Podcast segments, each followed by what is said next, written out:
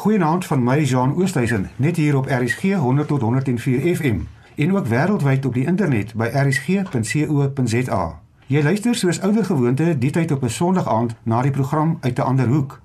Vanaand gesels ons oor vergifnis en restituisie of regstellende geregtigheid. Wat beteken vergifnis? En kan 'n mens iemand vergewe wat jou of jou geliefdes leed aangedoen het as daar nie restituisie of geregtigheid plaasvind nie? My twee gaste om vanaand saam met my hieroor te gesels is Dr Dion Snyman van die Restitution Foundation en Lucanio Calata, wie se pa Fort Calata een van die Kraddock vier was wat in 1985 saam met drie van sy vriende deur die polisie vermoor is. Lucanio en sy vrou Abigail is ook die skrywers van die boek My Father Died for This en die agterkleinkind van James Calata, 'n Anglikaanse priester wat ook diep spore in die ANC getrap het en van 1936 tot 1949 sekretaris-generaal van die ANC was. Goeienaand Dion, baie welkom aan jou. Baie dankie Jean, dankie vir die geleentheid. Goeienaand Lucanio, baie welkom aan jou en baie dankie dat jy ook hier is saam met ons vanaand. Ek waardeer die uitnodiging. Baie dankie. Lucanio en Dion, vergifnis is 'n komplekse proses wat tyd neem Maar hoe vergewe mens 'n medemens die onreg wat jou aangedoen is en watter rol speel geregtigheid en restituisie in die hele proses? Lucanio, want jy was maar 3 jaar oud toe jou pa vermoor is en na al die jare was daar nog geen geregtigheid nie. Die lewens van Kraddock se inwoners het ook nie verbeter nie. Dit moet baie moeilik wees om in sulke omstandighede te dink, is this what my father died for? My vraag aan jou is, hoe leef mens daarmee saam as daar nie geregtigheid geskied nie en kan 'n mens dan vergewe? As daar nie geregtigheid geskied nie, is dit baie moeilik om te leef want elke dag dink ek aan my pa, dink ek aan die feit dat hy nie saam met my is vandag nie. Dink ek aan die feit dat sy lewe van ons af weggeneem is op 'n baie gruisame manier. En en ek dink aan die feit dat die mense wat verantwoordelik was vir sy dood, dat hulle vandag nog saam met ons in die samelewing is. Dat daar geen geregtigheid was nie, dat daar geen konsekwente ek dink uh, ja was vir die mense wat dit aan hom gedoen het. So dis baie moeilik vir my om om te vergewe want daar was nooit iemand wat vorendag gekom het en vir vergifnis gevra het nie. So vir wie vergewe ek vir wat? Dion, kom ons kyk net eers bietjie na die breë aspekte van vergifnis en geregtigheid. Hoe sien jy dit? Kan daar regtig sprake wees van vergifnis as dit nie gepaard gaan met regstellende aksie nie? Ek dink vergifnis sonder regstellende aksie is 'n goedkoop benadering tot vergifnis. Ek dink ons is vandag in 'n baie moeilike situasie binne die Suid-Afrikaanse konteks omdat ons 'n verstaan van vergifnis gehad het wat nie op sterk fondamente gebaseer was nie. Die teologie van vergifnis waarmee ons groot geword het in die verlede was ongelukkig 'n baie skraal teologie. 'n teologie wat vir mense dan gerusgestel het dat hulle nie nodig het om enige restituisie te doen vir dinge wat in die verlede verkeerd gegaan het nie en net outomaties vergifnis kan ontvang. Ek dink daardie benadering oor vergifnis is baie baie problematies. Ek dink as 'n mens werklik eerlik moet praat oor vergifnis, is dit iets wat jy nie op iemand kan afdwing nie. Dit is 'n natuurlike proses wat volg wanneer 'n persoon gereed is om dit te oorweeg. En wanneer 'n mens iemand forceer om te vergewe voordat 'n persoon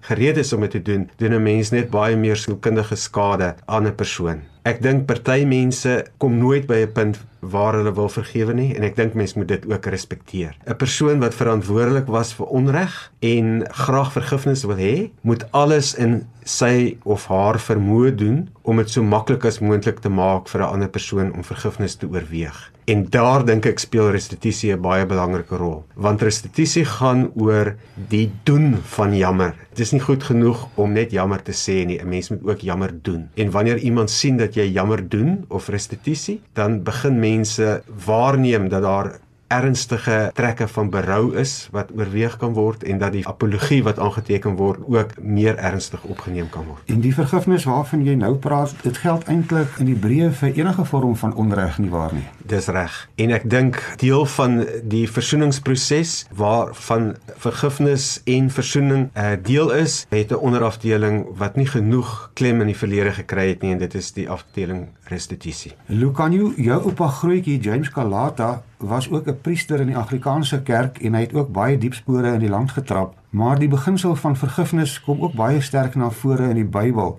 en daar's 'n hele klomp tekste in die Bybel oor vergifnis. En een van die bekendste tekste waaroor ek baie keer wonder is toe Petrus by Jesus wou weet hoe dikwels moet hy sy broer vergewe wat teen hom gesondig het en Jesus het gesê nie 7 maal nie maar tot 70 maal 7 toe. Maar beteken vergifnis dan mens moet net oor en oor vergewe al word die onreg nie reggestel nie? Nee, ek dink nie so nie. Kyk, jy kan jou broer vergewe as jou broer vir vergifnis vra. Wanneer jy iets sê aan iemand soos en ek is baie jammer en ek het dit en dit en dit aan jou gedoen, dan kan ek vergewe. Maar as my broer nie vir vergifnis vra nie, dan hoe vergewe ek dan? Die kwessie van geregtelikheid, die twee moet saamgaan. En soos Dr. Snyman sê, jy moet jammer doen. Is baie moeilik om vir my is baie moeilik om om om die mense te vergewe wat my pa vermoor het. Want die mense wat dit gedoen het, was bewus van wat hulle gedoen het.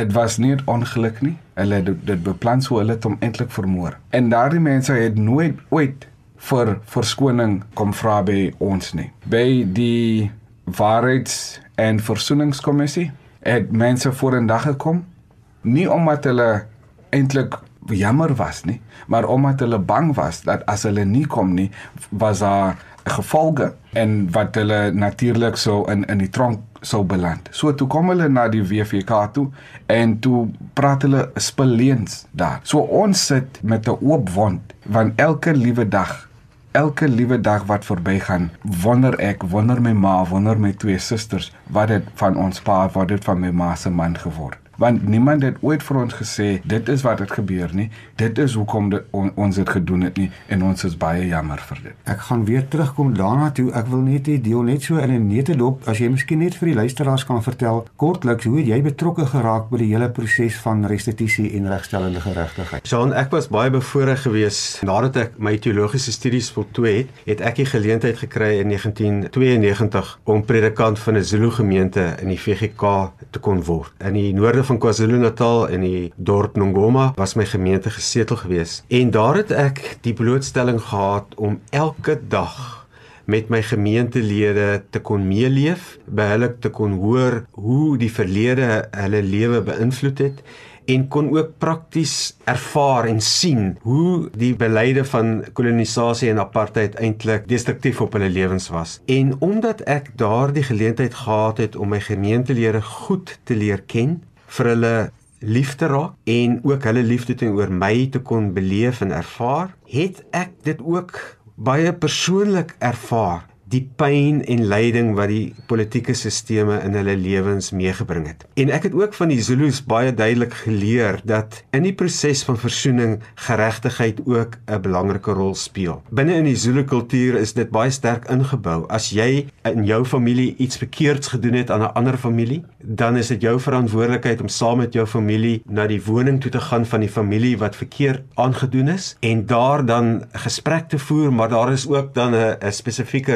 restituisie aksie wat plaasvind. Daar word of 'n bok vir die familie gegee of 'n bees of of wat ook al. En so dit is outomaties deel van die Zulu kultuur gewees. En ek dink een van die probleme wat ons gehad het in Suid-Afrika sedert 1994 is dat daar 'n verwagting was van die swart gemeenskap in Suid-Afrika dat dit restituisie outomaties sou volg. En ek dink die wit gemeenskap was nie so sterk bewus van daardie verwagting nie en het gedink dat versoening eintlik afgehandel is wanneer daar uitgereik word na mekaar en daar 'n gesprek plaasvind en op 'n manier ook 'n uh, tipe van 'n verhouding ontwikkel. En ek dink ons is vandag in 'n moeilike situasie omdat hierdie ongeaanvaarde resultate van restituisie wat nie plaasgevind het nie, dit lei tot baie frustrasie in die swart gemeenskap en is ook die bron van 'n klomp woede wat daar bestaan. Lukania, ek gaan weer in die tweede helfte wil ek terugkom na hoe jou pa se dood julle en julle gesin geraak het, maar daar is ook baie ander voorbeelde van ongeregtigheid waar vergifnis ter sprake kom. En jy is ook een van die SABC 8 wat afgedank is omdat jy 'n eerlike joernalis wou wees en jou werk wou doen. Hoe het jy gevoel toe hulle jou afdank weens jou eerlikheid en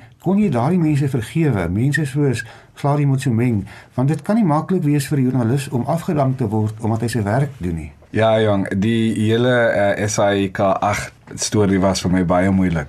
Uh, dit was baie moeilik om vir my te aanvaar dat sulke dinge kon gebeur in 'n demokrasie wat my pa se bloed voor gespil was. So dit was vir my baie baie moeilik om deur daardie hele periode te gaan. Ek dink ek was nooit kwaad vir iemand soos Claudia nie. Ek dink is energiemors om vir hom kwaad te wees. Ek dink hy is die tipe persoon wat nie energie werd is nie. So vir my was dit altyd uh, net ag, weet daai mannetjie hy hoef nie eers in die posisie by die SAIK.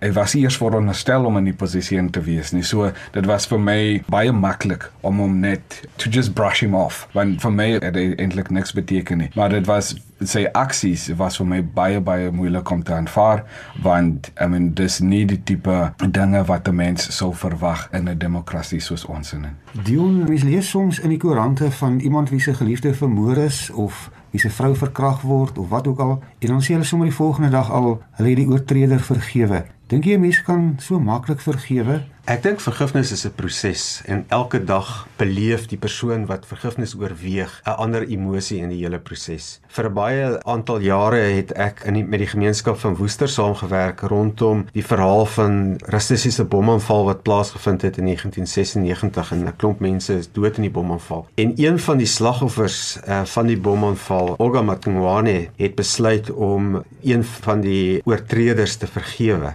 En Wanneer ek met Olga oor vergifnis gepraat het, het sy altyd vir my daaraan herinner dat sy nooit 2 dae dieselfde oor die vergifnisproses voel nie. Gedurende dae wanneer die pyn in haar liggaam minder is en dit met haar goed gaan, dan is dit makliker om te vergewe. Maar gedurende tye wanneer die pyn in haar liggaam vir haar herinner aan die bomaanval, tydens sulke tye is dit moeiliker om om te vergewe. So ek dink vergifnis is 'n proses en die persoon wat vergifnis wil ontvang, het die verantwoordelikheid om nooit op te hou om dit so maklik as moontlik te maak vir die ander persoon om vergifnis te oorweeg. Nie. Ons praat vanaand oor vergifnis en hoe vergewe mens diegene wat 'n onreg teen jou of jou geliefdes gepleeg het. My gaste is Dr Dion Snyman van die Restitution Foundation en Lucanio Calata, wie se pa Fort Calata een van die Kraddock vier was wat in 1985 saam met drie van sy vriende deur die polisie vermoor is. Lucanio Watter rol dink jy behoort spesifiek wit Afrikaanse mense vandag te speel om te help met die proses van regstellende aksie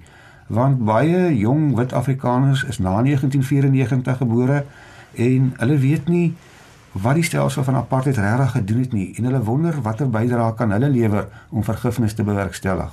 Ek dink die een van die maklikste dinge wat wit Suid-Afrikaners veral die wat na 1994 gebore is, wat hulle kan doen is om bewus te wees wat dit beteken om 'n wit man of 'n wit vrou in Suid-Afrika te wees.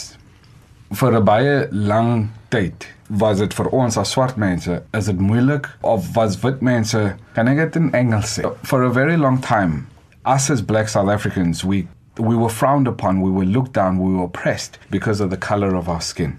So what we will require from white South Africans today is to be conscious about what it means to be white and how you then relate to a black person because of the color of your skin. The consciousness of what it means to be white will make you aware as to how to speak to a black person. When you speak to a black person from a position of superiority, we receive that as a form of racism, as a form of understanding that white people are still not conscious about what their skin color and what their attitude to us means. So, when you are conscious and you treat me as a black person, as a fellow human being, it makes it so much easier to then to be able to relate across borders. Tweedens is die, die issue van taal. Ek sit hier vanaand met jou en Dr. Sneeman en ek kommunikeer in Afrikaans. Maar hoeveel Afrikaners en hoeveel wit mense in Suid-Afrika vandag kan my taal isiXhosa praat of isiZulu of enige van die ander Afrikaanse tale. En wat dit vir my sê is dat die hele apartheid en die en en die kolonialisme is baseer op die feit dat wit mense sien nie vir ons as mense nie. Daarvoor stel hulle nie belang in ons tale nie. Maar ek weet omdat ek Afrikaans praat en omdat ek Engels praat, verstaan ek 'n klein bietjie van die Afrikaanse kultuur ek verstaan 'n klein bietjie van die Afrikaanse mense van ek praat die hele taal. Dion, jy is 'n wit Afrikaner wat uit die apartheidsverlede kom.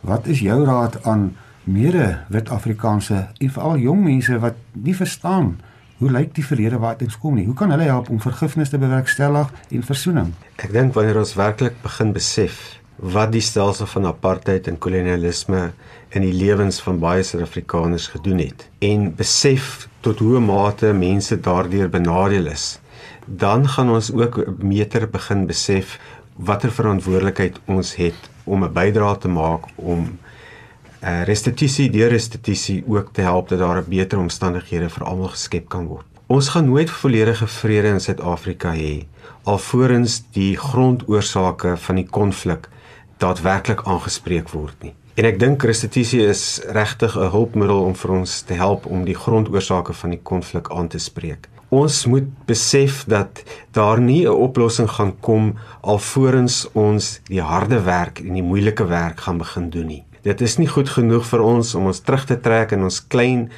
hoekies en onsself te bejammer en te voel dat die hele wêreld is teen ons en ons kry swaar nie. Dit gaan niemand help nie. Ek dink dit is belangrik dat wit Suid-Afrikaners die verlede baie direk in die oë kyk dat jong wit Suid-Afrikaners wat na 1994 gebore is, die moeilike vrae aan hulle ouers vra en ook vir die ouers vra waarom kon hulle so beleid vir so lank tyd goed gepraat het en dat ons dan ook kreatief moet gaan dink hoe 'n mens iets kan doen as 'n wit Suid-Afrikaanse gemeenskap om die boodskap van ware berou oor te dra. Die Afrikaanse mense, die en spesifiek die Afrikaners, het baie kreatiewe goed in die verlede gedoen wat 'n groot rol gespeel het dat hulle in die geskiedenisboeke onthou word. Ons dink aan die Groot Trek. Ons dink aan die Help Mekaar Fonds wat gestig is. Ons dink aan hoe hulle daarin geslaag het om die Afrikaanse taal te laat bloei. En ek dink ons het so 'n simboliese gebaar nodig van die Afrikaanse gemeenskap om dit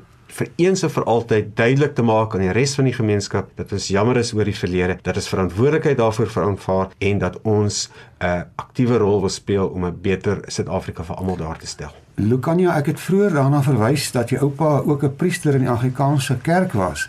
Watter rol dink jy moet kerke speel om te help met regstellende geregtigheid, uh, vergifnis en en spesifiek die NG Kerk wat 'n groot aandeel gehad het in die toepassing van apartheid? Ek dink vir my dis dis baie belangrik dat kerke 'n leidende rol speel in die bou van 'n nuwe Suid-Afrika. Want onder gedurende apartheid was die NG Kerk baie instrumenteel met die met, met daardie beleid. So ek dink dit is om alles reg te stel, moet die NG Kerk dan weer 'n leidende rol speel om ons bymekaar te bring. Vir my is dit altyd wonder ek altyd hoe die kerk en hoe sommige Afrikaners wat glo in in die nosie van die verkose nasie en hoe hulle die die die, die Romeinse ek dink dit is Romeinse 13 verses 8 tot 14 hoe hulle self how do they reconcile themselves